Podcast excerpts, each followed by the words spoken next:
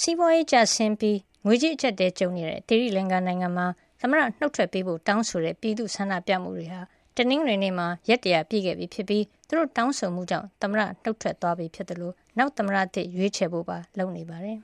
။ This is a very beautiful country. So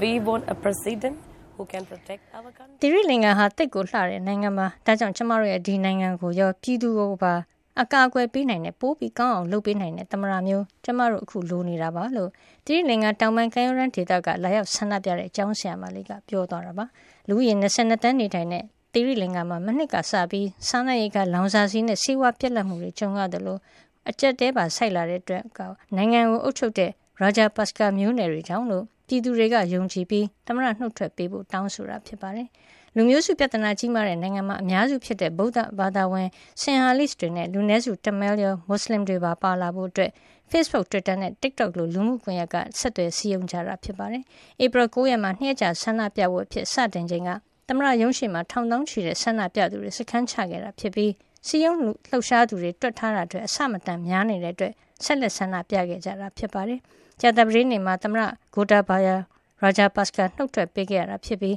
လက်ရှိမှာတော့သီရိလင်္ကာဖွဲ့စည်းပုံဥပဒေအရနှုတ်ထွက်သွားတဲ့သမ္မတနေရာမှာဝန်ကြီးချုပ် Ranil Wickremesinghe ကအလိုလျောက်သမ္မတတာဝန်ကိုယူနေတာဖြစ်ပါတယ်။သမ္မတသစ်အတွက်အမည်စင်းတင်သွင်းမှုကိုအင်္ဂါနေ့မှာလုပ်မှာဖြစ်ပြီးသမ္မတလောင်းတဦးရဲ့ပေါ်ရန်လွှတ်တော်မှာဗိုလ်တဖူးနဲ့မဲခွဲရမှာဖြစ်ပါတယ်။